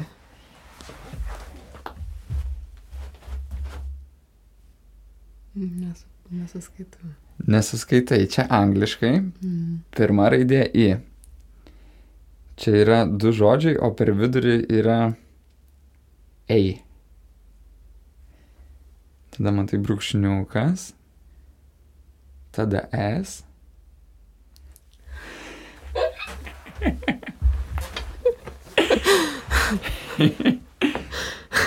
nu va, nes čia, žinai, vat, irgi tai, vat, aš tavim tiek pasitikiu, ne? Kad, va, tu žinai, vat, mažą mūsų šeimos paslapti. Bet, e, nu, vat, ir tada apsigaudamas su tavimi aš galėčiau ir kažkur, vat, į išorę tai ištranšiuoti. Bet nenoriu. Aha. Nes e, tai, žinai, tai yra vertinga viduje. Mhm. O vat ateiti grupę, tai yra pasitikėti ne tik tai grupės vedančiuoju, bet ir visais grupės dalyviais. Ir e, mokintis vis atviresniam būti grupėje. Ir tas yra labai sudėtinga. Bet vat, aš šiais metais turėjau tokią tikrai neįprastą labai patirtį, kad dalyvavau tinklinio stovykloje, kuri iš principo yra pramoginio pobūdžio, bet man atrodo, kad tai yra vienas iš fainiausių patyrimų, kuriuos gali turėti Lietuvoje, kai į Nidą suvažiuoja ten 90 žmonių ir jie savaitę laiko intensyviai tiek fiziškai gyvena, tiek ir emocinių turi skirtingų labai erdvių pasibandyti. Ir vat iš tų 90 žmonių susirenka 10 žmonių į grupę, kurie per vieną vakarą, per 6 valandas yra pasiruošę vat, su kažkokiu savo klausimu padirbėti. Ir mane tikrai nuostabiai stebino, kad va, tai šio laikiniai žmonės, dauguma jų tenais vis tiek amžiaus kategorija būtų nuo 25 iki 45 metų, jie pasiruošę ateiti ir tų nepažįstamų žmonių erdvėjai imti labai intimius, kupinus gėdos klausimus, juos dėti ant stalo ir juos spręsti. Ir tai, man atrodo, yra, nu, vat, neįtikėtina drąsa. Ir ta drąsa randasi iš to, kad žmonės vis labiau pasitikė savimi ir pasitikė vieni kitais. Mhm. Tai grįžtant prie temos ir tos va grupinės, ar ne, kad sakai, žmonės e, taip um, daro ir pasitikė, ar yra kažkas, kai, kad, ką tu darai kaip grupės vadovas, kuris uh, E, tarsi kažkokią, kažkokį užduoda, va, tą, kad dabar mes čia turim visi susikur pasitikėjimą, ar tai vyksta savaime ateinant ir žinant, kad pats ateimas jau ir reiškia, kad aš turiu pasitikėti savimi, e, e, savimi kitų atžvilgių ir kitais savo atžvilgių. Manau, kad ateidami žmonės jau suteikia tam tikrą kreditą. Iš dalies tai yra kaip ir sakiau, jų pasitikėjimas savimi ir pasitikėjimas tuo, kad va, šita teritorija ir skiriama kaip tam tikras rezervatas, kur bus pakankamai saugu būti nesaugiuose dalykuose. Tai yra ir jų pasitikėjimas manimi. Bet mano užduotis ir yra, kad ta erdvė ir išliktų saugi. Mhm. Kad išliktų saugi, tai iš dalies yra ir pristabdyti, jeigu kažkas va bando džedžinti, arba jeigu kažkas kaž, nu, grubiai sureaguoja. Mhm. Bet daugumą atveju to nereikia daryti, daugumą atveju tai žmonės, kurie yra kaip tik patys linkę palaikyti vieni kitus, domėtis, klausti. Mhm. O dažnai, šiaip neretai girdžiu ir gal net pati esu kažką taip sakysi, kad aš nepasitikiu nieko išskyrus save maždaug, kad iš visų lauk ir, ir dabar suprantu, kiek tai yra, žinai, prieštaringa, turint galvoje, ką, ką, ką kalbėjom ar ne prieš tai. Tai jeigu yra tokių žmonių, kurie mūsų klauso ir taip galvoja, kad, nu ne, aš tai tik savim pasitikiu, nieko nepasitikiu. Ir tada tas mūsų pakalbėjimas, kad, nu, pirmiausia, visgi turi savim pasitikėti ir tada kitais. Ir ką, ką, ką pasakytum tiem žmonėm, ką pakviestum galbūt apmastyti? Nu, bet nesenai poros terapijos viena iš porų atkeliavom iki tokio momento, kaip, o, nu, kalbėjom apie tai, koks yra pasitikėjimas poroje. Ir tai yra žmonės apie 50 metų. Ir, ir moteris sako, kad vat, nors ir mes esame poroje virš dešimties metų, bet sako, realiai, vat, jeigu reikėtų sakyti, kiek iš šimto aš tavim pasitikiu, tai yra 70. Ir jis sako, ir lyginant su visais kitais žmonėmis, tai yra aukščiausias pasitikėjimas. Nieko kitų aš nepasitikiu daugiau. Ir skaičiai niekada nėra aiškus čia. Mm. Daug ar mažai. Mm. Galim tik spėlioti, aišku, daug įdomesnis klausimas, iš ko tas 30 susideda, vat, būtent tie nepasitikėjimo barjerai, tie trukdžiai. Mm. Bet e, tai, kad nemažai žmonių yra davę įžadus niekuo nepasitikėti gyvenime, dėl to, kad buvo labai apvilti, nu tai yra faktas. Ir, žinai, kažkaip pardė, parduoti jiems e, tą galimybę rizikuoti, ieškoti santykio ir tame santykėje, nu, vat, bandyti pasitikėti ir nusivilti yra sudėtinga. Bet, e, nu, turbūt tai ir yra žmonės, kuriems labai daug atjautos kyla, nes jie labai daug praranda nes nepasitikėdami jie neturi galimybę suformuoti gilaus ryšio su kitais žmonėmis ir taip ir jaučiasi vieniši, apgauti. Mm. Bet ar tai, kad jeigu žmogus sako, kad aš nieko nepasitikiu tik savim, nereiškia, kad iš tikrųjų savim labiausiai nepasitikė? Nu, jisai nepasitikė kitais, nes kiti gali jį skaudinti, save jisai iš dalies skaudina mažiau, nes jisai, nu, kaip ir neplaka savęs, tik tais apriboja. Mm. Jisai tik tais taip ir niekada nepasiekia tų kitų žmonių kaip gerovės ir gyvena labai vienišas, bet iš dalies jisai nepasitikė savimi tuo, kad atlaikys kito žmogaus tenais, nežinau, užgavimą, išdavystę. Tai va čia yra nepasitikėjimas savimi, nes šiaip žmonės labai daug gali iškesti ir ištverti. Mhm. Bet, Bet tuo pačiu nu, labai dažna istorija yra, kad e, po sudėtingų skirybų vyresnio amžiaus žmonės labai dažnai negrįžta į tą romantinį santykį ir lieka vieni, nes sako, kad nu, ypatingai jeigu tose skirybose ten buvo išdavystės tam tikras aspektas. Išdavystę labai sudėtinga ir skaudu išgyventi. Įsivaizduoju, jeigu ten 20 metų gyvenai su žmogumi, aklai jo pasitikėjai ir jisai visą laiką buvo ten partneris, kuris, nu, realiai ir vykdo, ką daro, tik tai staiga tu sužinojai, kad paskutinius tris metus jisai turi santykių su kitu žmogumi ir jau yra pasiruošęs išsikraustyti, kaip sudreba visas tas pamatas, ant kurio stovi tavo tikėjimas šitų pasaulių. Toks atrodo staiga neapibrieštumo ledukas, ant kurio stovai įtrūko ir vėl visas pasaulis yra neapibrieštas ir nebeaišku, bet kas gali randomų įvykti. O pasaulis, kuriame yra randomas ir nėra jokios architektūros, nėra jokios tvarkos, yra pats nesaugiausias įmanomas pasaulis. Mhm. Tai, nu, aš tai vėl grįšiu, žinai, kad, nu, vat, tokiem žmonėm pirkti pasitikėjimą psichologų už pinigus netgi būna, žinai, svarbus gydimos elementas. Mm. Ir tai, kad jie moka pinigus, iš dalies tampa kampas, kodėl jie pasitikė. Nes jie galvoja, kad tas žmogus ateina su jais susitikti dėl to, kad nori jų pinigų. Mm. Kai daugamo atveju šitos profesijos žmonės, dauguma yra pašaukimo žmonės. Mm. Taip, pinigai yra svarbu, be abejo, jie išlaiko visi savo šeimas ir turi įsipareigojimų, bet dauguma jų nu, šitą darbą priema kaip tarnystę. E, ruoždamas ir dabar, kai kalbė apie tą vat, nuvilimą, apvilimą, sugriuvimą, pasitikėjimą, aš kažkaip e, galvoju apie tai, kodėl mes taip bijom vieni kitų susimavimą kažkokio. Kodėl mes taip tai stipriai sureikšminam, kai galbūt tuos gerus dalykus priimam kaip duotybę, nu tai jo, žinoma, taip turi būti, mes vieni kitais ten turim pasirūpinti ir ten padėti, padaryti kažką ir tai priimam kaip nu, tokį natūralų tarsi dalyką dažnai, bet kodėl taip stipriai bijom, va tų susimovimų ir juos taip net išpučiam kartais ir man atrodo ir augant mokykla gana žiauri aplinka kartais būna vaikai aš atsimenu iš savo patirties ir iš draugų pasakojimų kad nu žiauriai gali elgtis vieni su kitais neaišku kodėl ir iš kur bet nu yra istorijų kurios iš esmės ten tada tave priverčia sustot pasitikėt draugais ir aplinka, nes jie gali būti žiaurus. Ir kaip tu po truputį ten vėl turi, e, nu, kad yra tas polinkis vienam žmogui susimovus visą žmoniją nurašyti, e, kad, nu, vis tiek iš visų va, to, to ir tikiesi, kad kodėl mes, kaip mums mokintis primti vienas kito susimovimą ir jo nedramatizuoti ir iš jo nepadaryti e, katastrofas, bet tai primti galbūt kaip pamoką.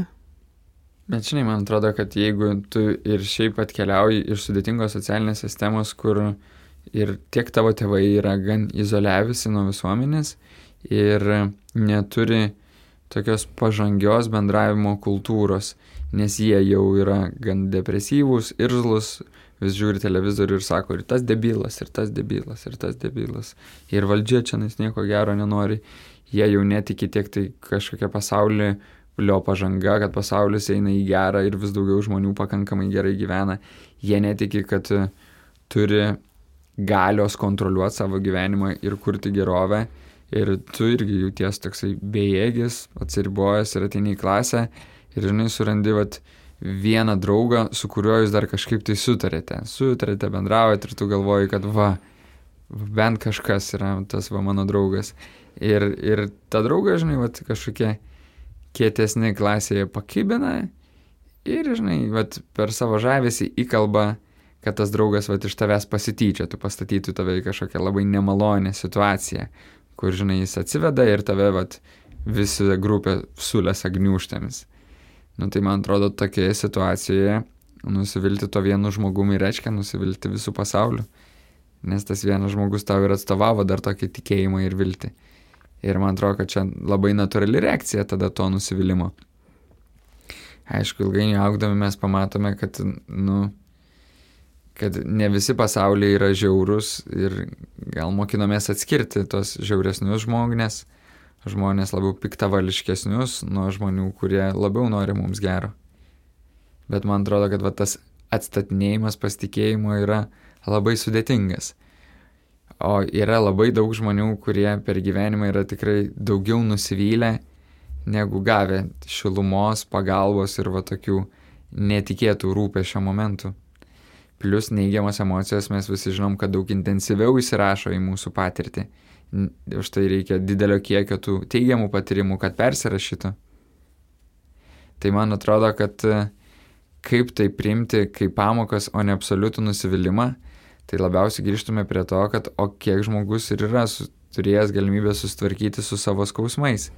Nes jeigu jisai, žinai, nuolatos gyvena savo tam tikram depresyviam būvi, kur jaučia, kad ta depresyvėja triada, kad aš esu šūdas, pasaulis yra šūdas ir ateitis bus šūdina, tai tada kiekvienas toks įvykis, bet ne vienas klientas man yra kalbėjęs apie tai, kad sako, žinai, jaučiu, kad iš visų jėgų kapanojasi, kad iškelčiau nosį virš pelkėje, va taip iškišiau, kad ta pelkė bent jau man netrūdo kvepuoti, va galiu įkvėpti ir va gaunu tokį įvykį ir yra jausmas, kad kažkas paėmė ir su koja vėl sustumė mane gilinį pelkę ir mhm. vėl bandau kapanotis. Mhm.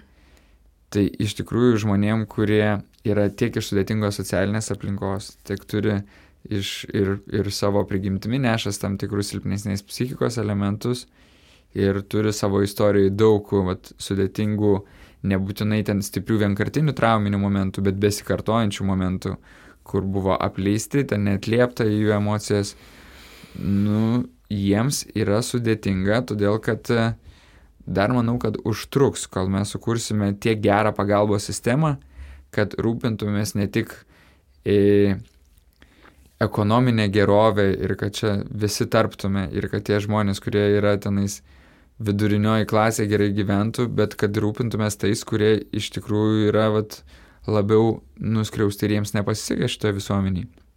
Bet aš tikiu, kad esame gerame kelyje šitų mm. klausimų. Tiesiog reikia laiko. Mm. Ir man atrodo, kad vat, mes tiek ir būsime stipri visuomenė, kiek išmoksim pasirūpinti savo silpniausiais. Taip. O pasirūpinti ir įmanoma iš tos pusės, kad vat, nemažai žmonių, kurie susitvarko su savo sunkumais, jie ir grįžta prie idėjos, kad aš pats susitvarkiau, noriu ir kitiem padėti. Ta pati vanorystė jaunimo linijai, aš turbūt va, tuo ir buvau didžiai nustebęs, kiek daug fainų žmonių ateina ir sako, žinai, man buvo labai sunku, aš pažįstu savo sunkumus, aš ateinu ne iš tobulo pasaulio. Man ir tas buvo sunku, ir tas buvo sunku, ir tas, bet ačiū Dievui, buvo žmonių aplinkui, kurie man padėjo tai veikti, dabar aš noriu būti to žmogum, kuris padės kitiems. Ir man atrodo, kad, nu, va, telefonas ir skambutis yra visiems pasiekiamas. Ir aš pažįstu vieną žmogų, kuris kažkada anksčiau į jaunimo liniją tenais per mėnesį pasiskambindavo nuo 30 iki 50 kartų. Ir tai jam buvo vat, galimybė ištrūkti iš savo kaimuko ir nuolatos vis gauti emocinės paramos. Aišku, tas žmogus ten ir kažkur juokaudavo, kažkur mhm. pasakodavo melagingas istorijas tam, kad gautų per tą, Bet, žinai, hi ryšį. Hiper sudėtingą mhm. istoriją, kad gautų daug atjautos, mhm. kurios labai norėjusi. Nes kartais iš tokios paprastos istorijos net sunku papasakoti. Kartais žmogus net negali paaiškinti savo nelaimingumo priežasčių, nes negali pasakyti ir nesupranta, kad kiek ten buvo ten šaltas tėtis arba kiek daug būdavo situacijų, kur mama staiga netikėtai pasielgdavo labai isteriškai, ten išsprogdavo iš pykčio. Mm. Bet šitas pagalbos prašymo ir pagalbos suteikimo momentas irgi toks gali būti sudėtingas, nes kartais žmonės norėdami kažkam padėti nori užimti galbūt galios poziciją ir tada neligia verti santykis ir nuvertinti žmogų prašantį pagalbos. E, arba žmogus gali bijoti prašyti pagalbos, manydamas, kad tai yra silpnumas kas reikš, kad nuvertins ir kitą, kai jo prašys pagalbos. Ir kad irgi toks yra kartais pas mus, man atrodo, visuomeniai pastebimas toks dalykas, kad, nu, aš neprašysiu pagalbos, aš pats susitvarkysiu, nes aš čia man vienam reikia susitvarkyti, bet tada, kai manęs prašys, ar aš matysiu tą žmogų, nu, aš jo nenu, irgi nenuvertinsiu ir negalvosiu, kad jis silpnas ir kaip tą išlaikyti lygiai vertiškumą santykio pagalbos davime ir gavime ir pasitikėti, kad manęs nenuvertins, kai aš prašau pagalbos ir nesakys vėl čia tas skambina. Bet bus lygiavertiškas bendravimas, žinai, ir nieks neužims tos galios pozicijos ir nieks neužims aukos pozicijos arba nežiūrės viens į kitą kaip į galios ar aukos poziciją užimantį žmogų. Taip, ir man atrodo, kad, kad dažnai tas pagalbos prašantysis, jisai nu, neišvengiamai ir jausis daugiau aukos pozicijai. Ir daug svarbiau, kad tas žmogus pagalbos suteikėjas neužimtų galios buvę. Kad tenais yra išeities taškas.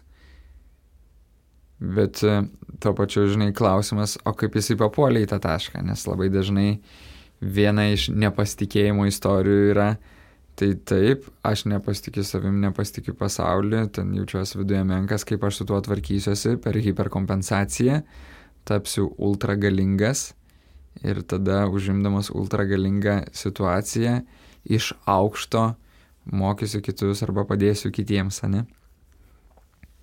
Ir šitoje situacijoje žmogus lygiai taip pat netvyksta į, į lygiai vertiškumą. Mhm. Kol kažkokie aplinkiniai žmonės jam nepasako, kad, ei, o, o kur tu? Va, mhm. matau visi tavo nuopelnai, pasiekimai, o kur tu? Ar nenori ir tu susitikti? Kur tavo pažeidžiamumas? Kur tavo žmogiškumas? Kur tavo jautrumas? Mhm. Nežinau, bet gal kai kuriems žmonėms net ir pabūti toje galios pozicijoje, tai nu, irgi yra gydanti patirtis nes iš nuolankumo kažkur sulaikydami savo gali ir girdėdami kito skausmą, nu viduje vis tiek suvirpa jautrumas susitikti per skausmą vienas su kitu. Mhm. Ir tada ateina toks suvokimas, kad wow, aš čia toks galingas jaučiuosi, bet o kaip aš jaučiausi, jeigu man jo istoriją būtų reikėję gyventi. Ir tada atrodo, jo būtų labai sudėtinga. Ir tada ateina kažkoks toks nusileidimas ant žemės ir bendrumas su visais iš to, kad kiek daug yra skausmų ir skirtingų skausmų istorijų. Ir jeigu man pavyko geriau sustvarkyti su saviškiu, tai dar nereiškia, kad aš esu kažkuo geresnis. Mhm. O iš kitos pusės, ne, su savo baimėmis galima tvarkytis ir per kitą istoriją. Vat kiek dabar yra advokataujamas toks psichopatiškas būvis, kad ten nieko nejausk, lyderiauk mhm. užim poziciją, ten svarbiausia yra rezultatas, efektyvumas, tas žmogus netinka, paleisk, im kitą žmogų. Mhm. Ir jeigu augai baimės kultūrą ir vis mokinaisi įveikti per tokį vidinį kareivį, kiek iš tikrųjų natūraliai, nu, vat, ir visi esame užsiauginę tam tikrų psichopatiškų bruožų. Tokia šalčio viens kitam, kur nebelieka empatijos. Mm, ir, ir savo kontaktą tą su savim praradimą, kad darai kaip reikia mašinai, nu, tarsi, va, kad važiuotų spaudi tą gazą savį, bet prarandi kontaktą su savim. Jie nes atrodo tokios dvi skirtingos pusės, kad aš nepasitikiu tais, už tai galiu tapti, vat, iš dalies toksai narcisistinis, dominuojantis pats puikiausias ir kiti manim žavėsis ir tada aš pasitikėsiu kitais, nes žavėjimuosi jūrai plauksiu, bet ir kita istorija, kad aš tada tapsiu toksai valdingas, visus valdantis lyderis, kurios tiesiog ne, nejaučia kitų skausmo mhm. ir net jaučia kitų žmonių. Tai man atrodo, mes čia, žinai, grįžtam prie to paties atjautos puoselėjimo. Mhm. Atjautos ir savo, ir kitam. Mhm. Mhm. Apie ką tu susigraudinai? e, Nu, būtent apie tą atvirumo momentą, kad mm, net labai sunku įvardinti, kodėl susigraudinau, bet turbūt apie tą susitikimą žmonių, kur gal prisimenu tokią situaciją, su vienu pažįstamu mes kalbėjom ir tiesiog mm, aš kažką pasakoju, kas man net netrodo, žinai, labai, nežinau, ypatinga ar atvira ir jisai sako, o aš jaučiuosi tarsi nevertas šito tavo pasakojimo, nes jis toks atviras. ir aš sakau, kaip tai, tai jeigu mes esam žmonės, kartu leidžiantis laiką, dirbantis kartu ir bendraujantis ir vienas kitam rūpim, kaip tu gali būti nevertas mano pasakojimo. Mm. Ir kad tai tam žmogui tarsi kelia dėkingumą, kad aš tuo dalinuosi ir greičiausiai suvokimą, ai, kad jis irgi gali dalintis.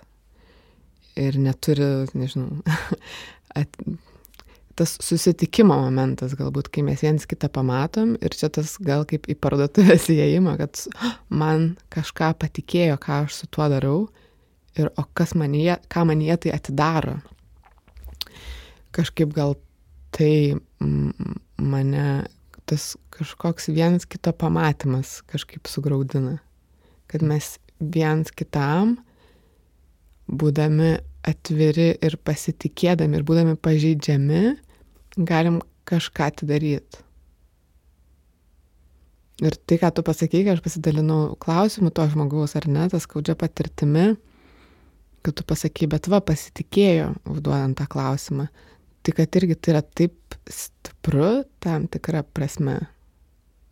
Ir kad mes viens kitu pasitikėdami iš tikrųjų im, auginam ir pasitikėjimą savim ir viens kitą skatinam.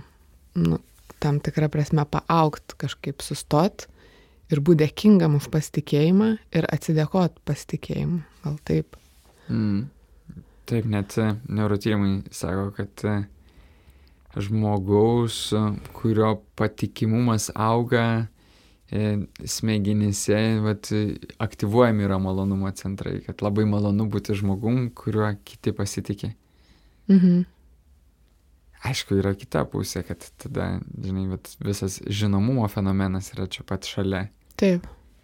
Kad jeigu jeigu žmogus, tarkim, ten daug būna ten televizoriuje ir tu jį matai ir paskui susitinki gatvėje ir net nori su juo pasisveikinti ir sakyti, o, labas, Robertai, aš tik, taigi čia, ai, tik tai aš tave žinau, tu manęs nežinai. Ir tada, vat, tarsi jisai yra patikimas žmogus. Mhm. Jeigu žinomumas atskiras, ne, bet jeigu vat, žinomumas yra iš pasitikėjimo, kad vat, mes žinome, kad tas žmogus yra geras daktaras Mhm. Arba jeigu mes žinome, kad, kad tas žmogus gali sukurti tiek jautrų filmą, kad vad net Venecijoje liūtą laimėtų. dar vienas iš žmonių klausimų, mes kai kuriuos klausimus um, tarsi aptariam jau bendrai kalbėdami, tai aš neužduosiu visų, bet uh, vienas klausimas, uh, kuris toks irgi praktinis labiau, Tai žmogus rašo, kad jaučia kaltę su kai kuriais artimais žmonėmis ir nepasitikė jais dėl kažkokių ankstesnių blogų patirčių ir nors viskas atrodo gerai, kažkas stabdo tą pasitikėjimą ir neaišku, ką su tuo daryti.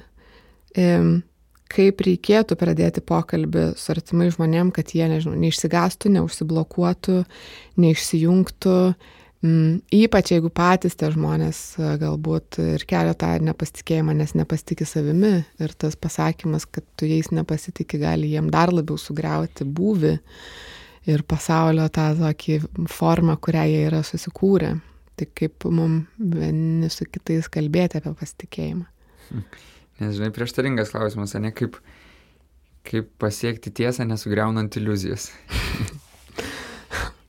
Ir mhm. aišku, kaip greunant iliuzijas neužgauti vienas kito.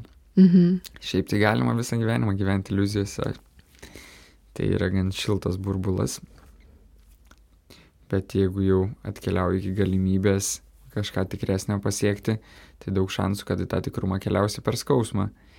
Ar per tą skausmą keliaujant galima minkščiau, galima, ypatingai ten neteisiant vienas kito, nekaltinant, pripažįstant savo silpnumą. Ir kalbant apie tai, kad, žinai, kad vat, aš pats turiu daug problemų su pasitikėjimu kitais žmonėmis, su jausmu, kad jaučiausi saugus šitame santykėje, su tuo, kad pakankamai mylėčiau tave, koks tu esi ryšyje su manimi ir iki galo nesuprantu, bet vat, jaučiu, kad, nu, jaučiu, kad yra tam tikrų dalykų, dėl kurių išsigastų ir užblokuoju savo meilę tau. Ir tada jaučiu, kad vat, mūsų santykis nepilnavertis. Kas yra tie dalykai, kiek jie tavo dalykai, kiek yra mano, man vat, nėra iki galo aišku, bet labai norėčiau, kad mes kars nuo karto turėtume vietos patirinėtai nes vertinu mūsų draugystę. Mhm. Bet tuo pačiu jaučiu, kad nenoriu, kad ta draugystė apmirtų dėl to, kad negalim keliauti giliau, atrasti tos trukdžius kartu ir juos kažkaip tai pabandyti pažinti. Nes gal kai kurie iš jų liks ir visą laiką, bet žinodami juos mes vat lengviau jų neužkliūsim. O kitus gal išeis ir pakeisti. Mhm. O aišku, atskirta, ne, kuriuos įmanoma pakeisti, kurie, kurie taip ir bus, yra labai sudėtinga. Mm. Na, žmogus gali nugriūti tą kažkokią, tai aš blogas ir viskas blogai ir um, tas beviltiškumo momentas gali būti, nu, kad tai sugriuvus tą tai iliuzijai, mm, gali, nu, vėl tą pelkę e, įklimt kad tokie kraštutinumai ir norėdamas gero ir kviesdamas žmogų karts pokalbį, būdamas nepasiruošęs, kaip elgtis to žmogaus, su tuo žmogumi, kai griūva ta iliuzija, e, nu, gali daugiau žalos padaryti ir kartais gal toje iliuzijai likti yra saugiau ir atsakingiau netgi. Mm. Ir niekas kitas to nepasvers, išskyrus tave. Mhm. Pati. Aš dar galvoju apie tą pelkę, kaip paskait, tai yra toks pažįstamas ir daug girdėtas dalykas ir tar, man pačiai netgi išgyventas, kur tarsi mm, atrodo, kad kartais net nenori iš tos pelkės li, li, lipti, nes nu, čia tau jau pažįstama yra, tu jau žinai tą visą. Išlinti lauk, ten į vėjas. Vėjas, nepatogu, esi nuogas. Ant žemės. Ką dabar daryti? Namą reikia statyti, iš kur čia gauti tų pagalių pastačiau namą, žiūrėk, gal ir noriu kažką kitą į namą pakės daug iššūkių. Jo, ir tas toks... Tai iššūkiai tik tai didėja, tarsi, mm. o pelkėje, tai galima. O pelkėje gali plūduruoti ir tas, kad tu, ai, nu žinau, kaip su tais blogais dalykais, nu paverksi, paskaudėsi, ten, žinai, kažkaip, bet tai, o kaip su laime, džiaugsmu, gėriu, meilė ir viskuo būt kartais tai vat, man toks yra, atrodo, aha, ką pasirinkti, tai jeigu aš renkuosi tą vagėrį šviesą ir tą kitą išėjimą ir tas statybas, Nu, tikrai Bet va, sunku, nes instrukcijos atrodo, nėra. Toks chroniškas sirgymas, toks mm -hmm. nesusitikimas su skausmu, kad va ta pelkė, ne, kaip tokia želė, ir reikalinga tam, kad e, nejaučiau to aštraus skausmo jausmo. O kad Mhm. susitikčiau su aštrus skausmu, turiu turėti pakankamai resursų. Ir mes vėl grįžtame prie to, kad vienas pagrindinių resursų yra tas artimas ryšys su žmogum, kur aš jausiu, kad va šalia esantis žmogus ne tik mato, kaip sakei, bet ir kartu su manim išgyvena mano skausmą. Va čia, man atrodo, yra labai galingas patyrimas, tada tame skausme aš ne vienas, jaučiu, kad tame šalia esantis žmogus pasitikė, kad e, jisai ir išgyvena skausmą su manim, bet ir pasitikė, kad aš išgyvensiu savo skausmą. Ir pasitikė savimi, kad jis išbūs su manim mano skausme. Ir va mes tą skausmą išbūname ir jisai kažkaip palengvėja. Va ta galinga akimirka padeda vis labiau rasti kelią, kaip būti skausme ir išlipti iš pelkės. Bet e, man gal be pelkės tai daug baisesnė yra kita akimirka, žinai, nes mes čia tarsi tokiai depresijai, bet daug baisesnės akimirkos yra, yra tokios psichotinės akimirkos, kai iš tikrųjų labai sudėtinga atskirti, kas yra realybė, kas ne. Ir labai sudėtinga pasitikėti savo pojūčiais, savo jausmais, savo mintimis Mhm. kai, žinai, kai žmogus sako, kad aš einu ir jaučiu, kad vat, kiekvienas tenais e, šviesoforo signalas man rodo, kur aš turėčiau eiti ir visa tai ir yra realybė, ką aš turiu daryti. Ir aš nukeliauju iki kažkur, kur nesuprantu, kai staiga jaučiu, kad čia tarsi ženklas, kad aš turiu nusirengti nogai, nusirenkiu nogai vidury gatvės, arba kad va ten yra duris, tai reiškia, kažkas mane pakvietė ten užeiti, aš turiu užeiti tenais ir staiga užeinu ir žmonės labai išsigąsta, kviečia policiją, policija mane uždaro, veža į, į pirmą skyrių ir tada aš tik pradedu susigaudyti, kad o gal aš ir negaliu savim pasitikėti, kas čia Mm. su manim darosi, kas čia atsivėrė per dalykai mano psichikoje.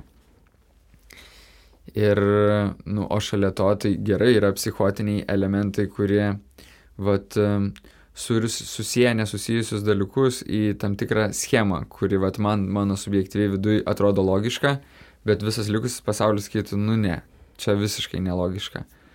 Bet yra ir kitas elementas, ne, o jeigu šalia to dar paranoji, paranoidinis elementas įsijungia, kad aš taiga išgyvenu, kad visi aplinkiniai žmonės yra grėsmė, visi nori mano mirties, kad aš išgyvenu, kad visi jie mane išduoda.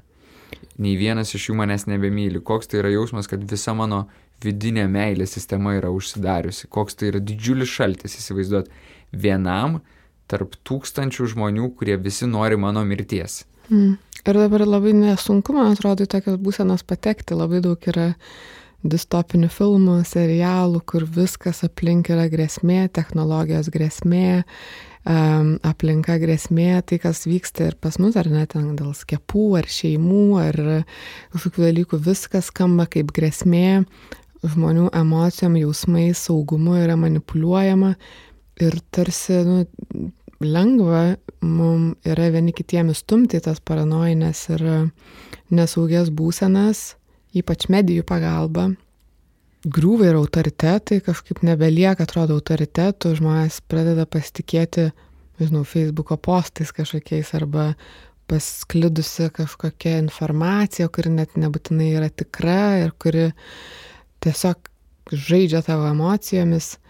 Ir tada tas būvis labai keistas atsiranda ir eskaluojasi, nes vieno paranoja gali žadinti ir patvirtinti kito paranoją ir tada atsiranda tas kažkoks net ir panika, rėkimas ir mane tai šiaip gazdina, nes atrodo, kad nu, praktiškai nėra nieko e, tada, nu, to pagrindo, už ko užsikabint, kad nenuskristų ta visa paranojos baimės ir em, nepasitikėjimo banga kažkokia, kuri kuriama, atrodo net sąmoningai ar nesąmoningai yra kuriant tuos distopinius scenarius, e, gazdinant vieni kitiems ir, ir keliant tą nepasitikėjimą, norint galbūt net ir kažkokios naudos.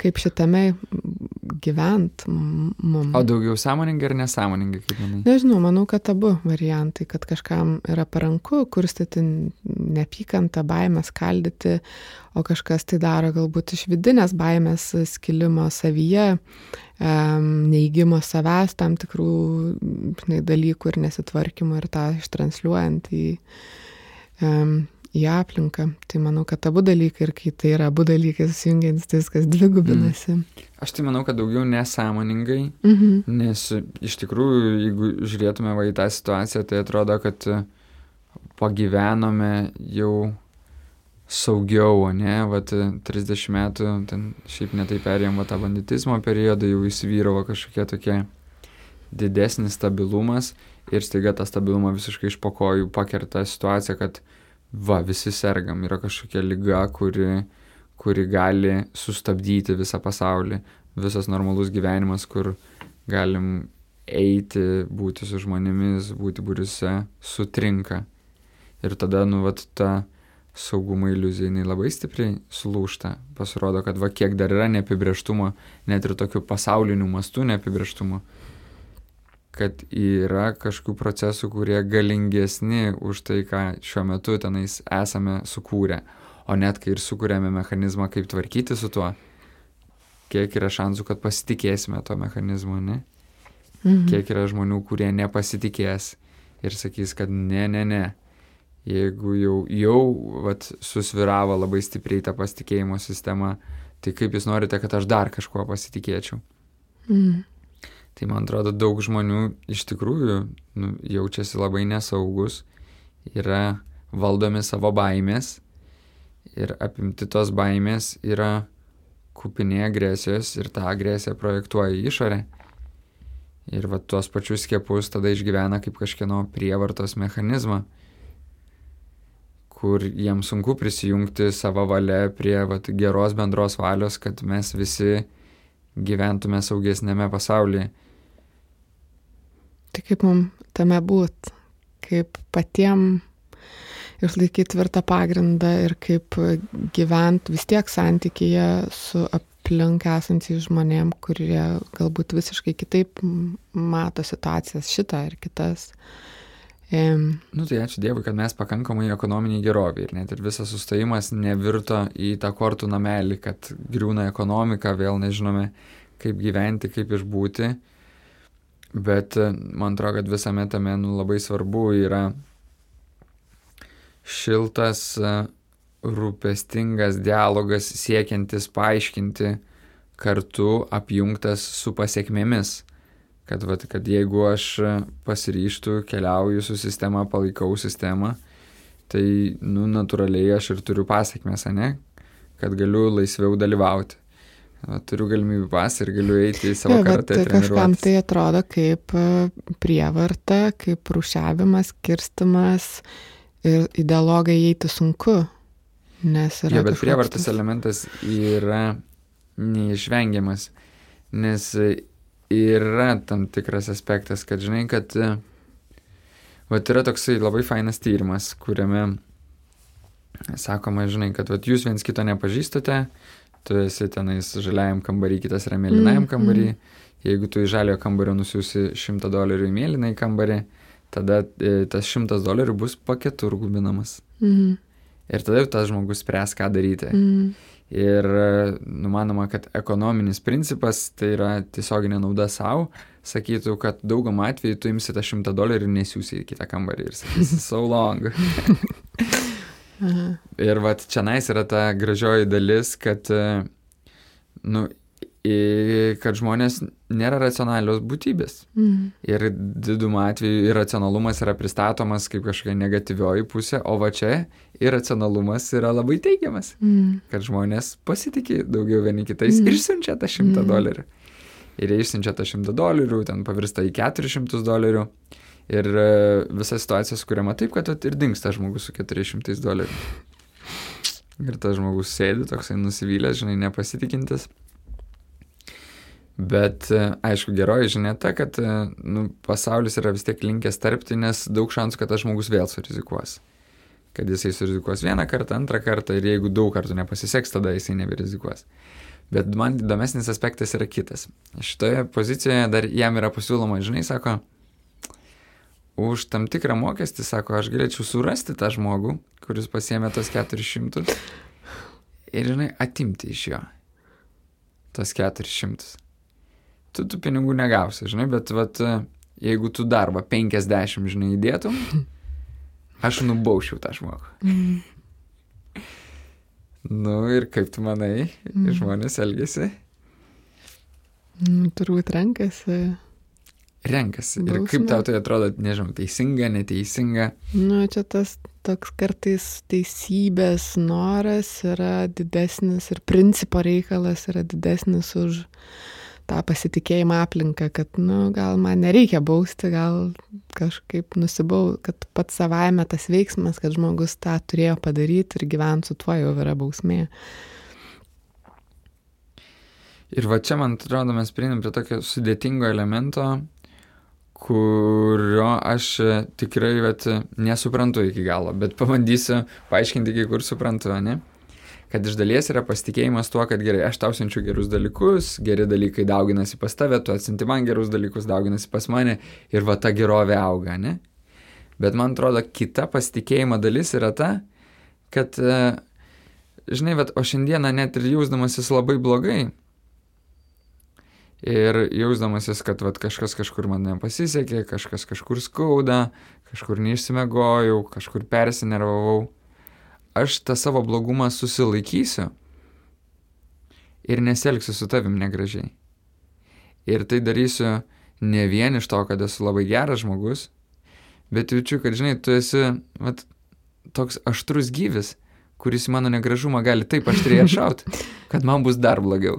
Irgi daugintis. Mm. Taip, ir mano pasitikėjimas, kad tu esi pakankamai galingas, kad gali kerštauti taip, kad man skaudės, irgi yra dalis pasitikėjimo, kuris palaiko vat, tam tikrą truth, tam mm tikrą tokią taiką tarp mūsų. Mm -hmm.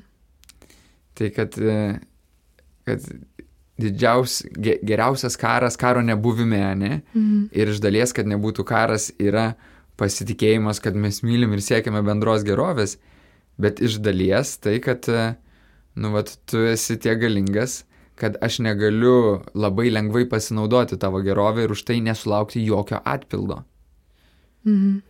Tai bet tas kerštavimo elementas kaip teisingumo elementas, kaip atpildo elementas. Irgi veikia. Irgi veikia.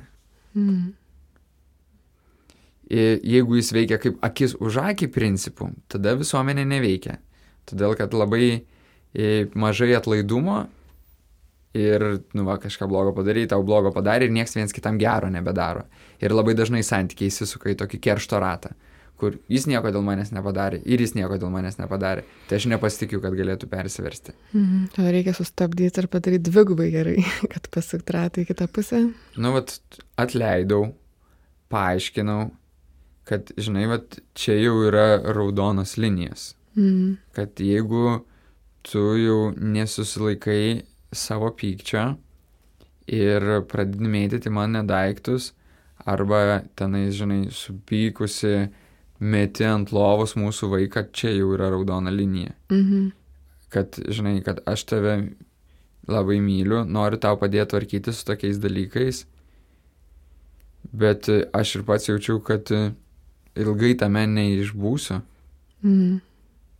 Ir kad viso to pasiekmes gali būti, kad nu mes išsiskirsime. Mhm. Ir aš to visiškai nenoriu. Nenoriu nei kad vaikas auktų atskiruose namuose. Nenoriu, kad ir aš tavęs netekčiau. Mhm. Bet jeigu aš toliau palaikysiu tavo tokį elgesį, nei tau, nei man nebus geriau. Mhm. Svarbus pasirinkimas, kur mes norime eiti. Mes norime eiti pasitikėjimą. Nu ir tas pats primityvus formavimas. Tiek Taip. per palaikymą ir kad daugumą atveju reikalingas palaikymas, tiek ir per ribų statymą ir supažindinimą su galimim, galimomis pa, pasiekmėmis, pasiekmėmis mhm. kas net iš principo galima išvelgtame ir šantažo elementą, mhm. ir tą pačią vat, šaltą psichopatiją, kur nebejautrus žmogus tampa kitam, nes jautresnis darosi savo, nes priema elgesi kaip nebenorminį. Taip. Bet iš esmės vis tiek, man atrodo, tas svarbus mm, pasirinkimo momentas, link kur mes einam, ko mes siekiam, ypač santykėje, bet kokiame ir ką dėl to galim padaryti. Jo, nes šiaip visi tie tyrimai su pinigais, tai man labai žinau, patinka. Nu, jie man atrodo labai faini apie tai, kaip ten prasideda tie visi sukčiavimai, kur ten įdedamas aktorius, tenais ir aktorius mm. specialiai neįdeda pinigų ir staiga matosi, kaip pradeda plisti sukčiavimas, mm. nes visi pastebėjo, kad vat, ten aktorius neįdėjo pinigų ir tada ir kitas galvoja, ir aš galiu neįdėti, ir aš Mhm. galiu neįdėti pinigų.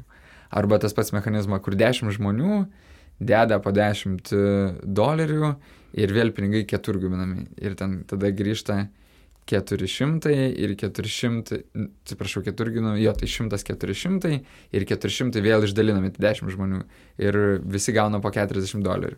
Ir staiga visi pastebi, kad vienas žmogus neįdėjo, Mhm. tik tai 9 įdėjo. Kas nutinka kitą kartą? Mhm. Kitą kartą jau daugiau žmonių neįdeda, dar daugiau žmonių neįdeda. Ir vat visa mokesčių sistema į tai remiasi, ne? Mhm. Kiek mes pasitikime. Ir ar galima sakyti, kad vien tik tais, žinai, per skatinimą, per gėrį galima vat, tą sistemą vystyti? Nu ne, yra ir tie patys bausmės mechanizmai, kurie irgi padeda ypatingai tam tikros rušies žmonėms, tam tikriems charakteriams laikytis taisyklių. Mhm. Tai ačiū tau už pasitikėjimą šiandien, už pokalbį. Mm, Tikiuosi, greit susitiksim vėl. Mhm.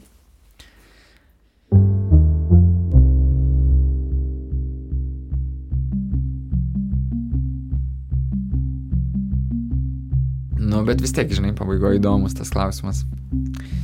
Tai kur mūsų tarpusavio santykio nepasitikėjimo barjerai? Kaip Mano turbūt esminis, e, tas į minusą vedantis, nu, ne į minusą bendrąja prasme, bet mažinantis, tai yra pasiekiamumas tas, kur aš nežinau, mane skaudina tyla, neatsakymas, negebėjimas atsakyti bent trumpam, nu, kažkaip sureaguoti man nuo siunčiamą žinutę į mano klausimą, aš jaučiuosi kažko, kažkokią įtampą, tuo labiau, kad yra buvę taip, jog lyg ir viskas gerai, o po to didžiulis konfliktas. Tada man kiekviena tyla ir atstumas kelia grėsmę galvoje, o gal kažkas atsitiko ir bus vėl konfliktas ir man sunku pasitikėti dėl to. O Tau?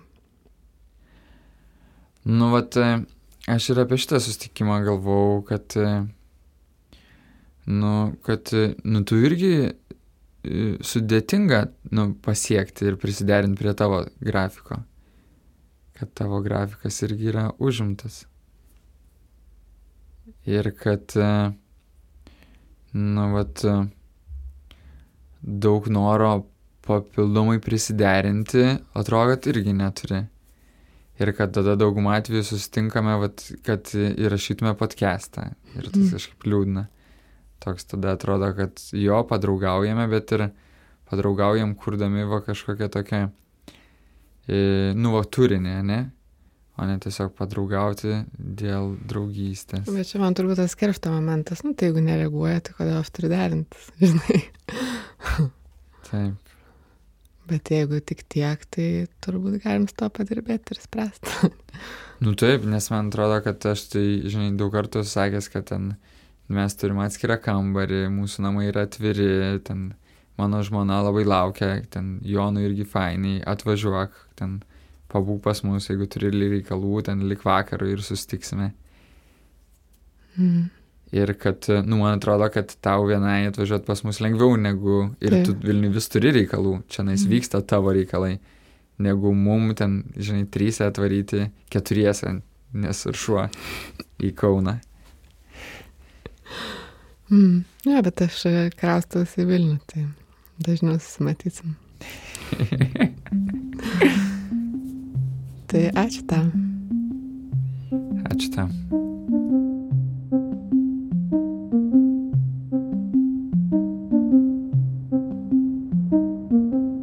Toks mūsų epizodas šiandien. Ačiū išbuvusiems ir išklaususiems iki galo.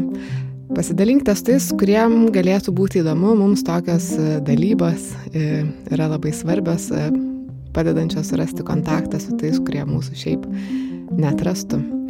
Ypatingai ačiū e, prisidedantiems prie mūsų veiklos e, finansiškai per Patreon platformą, bankiniais pavedimais ar kaip komerciniais partneriais.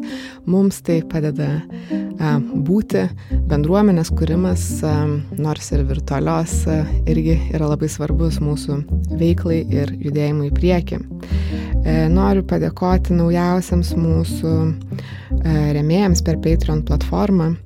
Tai yra Monika Žaltauskaitė Grašienė, Reda Gudaitytė, Greta Stonkutė, Mantas, Astas Magurauskaitė, Gintarė Krušnienė, Marta Vaitkevičiūtė, Gzegutis Laika, Agnė Sutkevičianė, Margarita Šimkutė, Natalija Drutskoj Sokolinskij, Juratė Žugauskaitė, savo skiriamą sumą padidino Erik T, Vaiva Čipaitė, Šarūnas Savickas, Gabrielė Gedvilaitė ir Laurinas Komža.